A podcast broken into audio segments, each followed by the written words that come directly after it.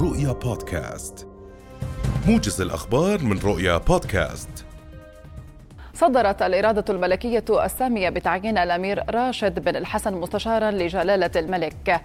اعتبارا من تاريخ اليوم الموافق السادس من كانون الثاني لعام 2022 أكد رئيس الوزراء الدكتور بشر الخصاونة خلال جلسة النواب اليوم أن وزارة الخارجية وشؤون المغتربين تتابع بشكل مباشر أحوال المواطنين في كازاخستان للتأكد من سلامتهم.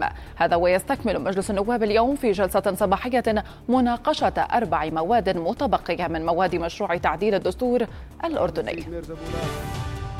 قال الناطق الإعلامي باسم وزارة التربية والتعليم أحمد المساعفة أن الوزارة رصدت التزاما كبيرا بين طلبة اختبارات تكميلية التوجيه وأضاف أنه تم تقديم أربعة اختبارات في الدورة التكميلية لطلبة التوجيه جميعها عقدت وفق الترتيبات التي أقرتها الوزارة مؤكدا أنه يوجد التزام كبير من قبل الطلبة فيما يتعلق بالبروتوكول الصحي. قال الناطق الإعلامي باسم مديرية الأمن العام إن معلومات وردت للعاملين في إدارة مكافحة المخدرات حول قيام أحد الأشخاص بعرض عملة نقدية مزيفة للبيع في محافظة جرش حيث شكل فريق تحقيق خاص من الإدارة لمتابعة تلك المعلومات والتأكد منها. وأضاف الناطق الإعلامي أن فريق التحقيق تمكن من خلال جمع المعلومات ومتابعتها من تحديد هوية شخصين تورطا في تلك القضية وكانت مهمة الشخص الأول تزييف العملة فيما يقوم الثاني بمحاولة بيعها وترويجها ووضعت خطة لضبط الشخصين قبل مباشرتهما ببيع وترويج تلك العملة المزيفة في الأسواق.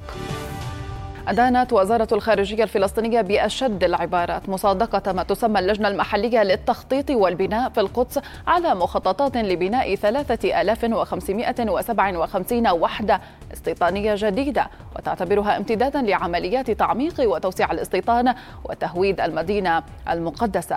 وحملت الوزارة حكومة الاحتلال الإسرائيلي المسؤولية الكاملة والمباشرة عن بناء هذه الوحدات الاستيطانية الجديدة.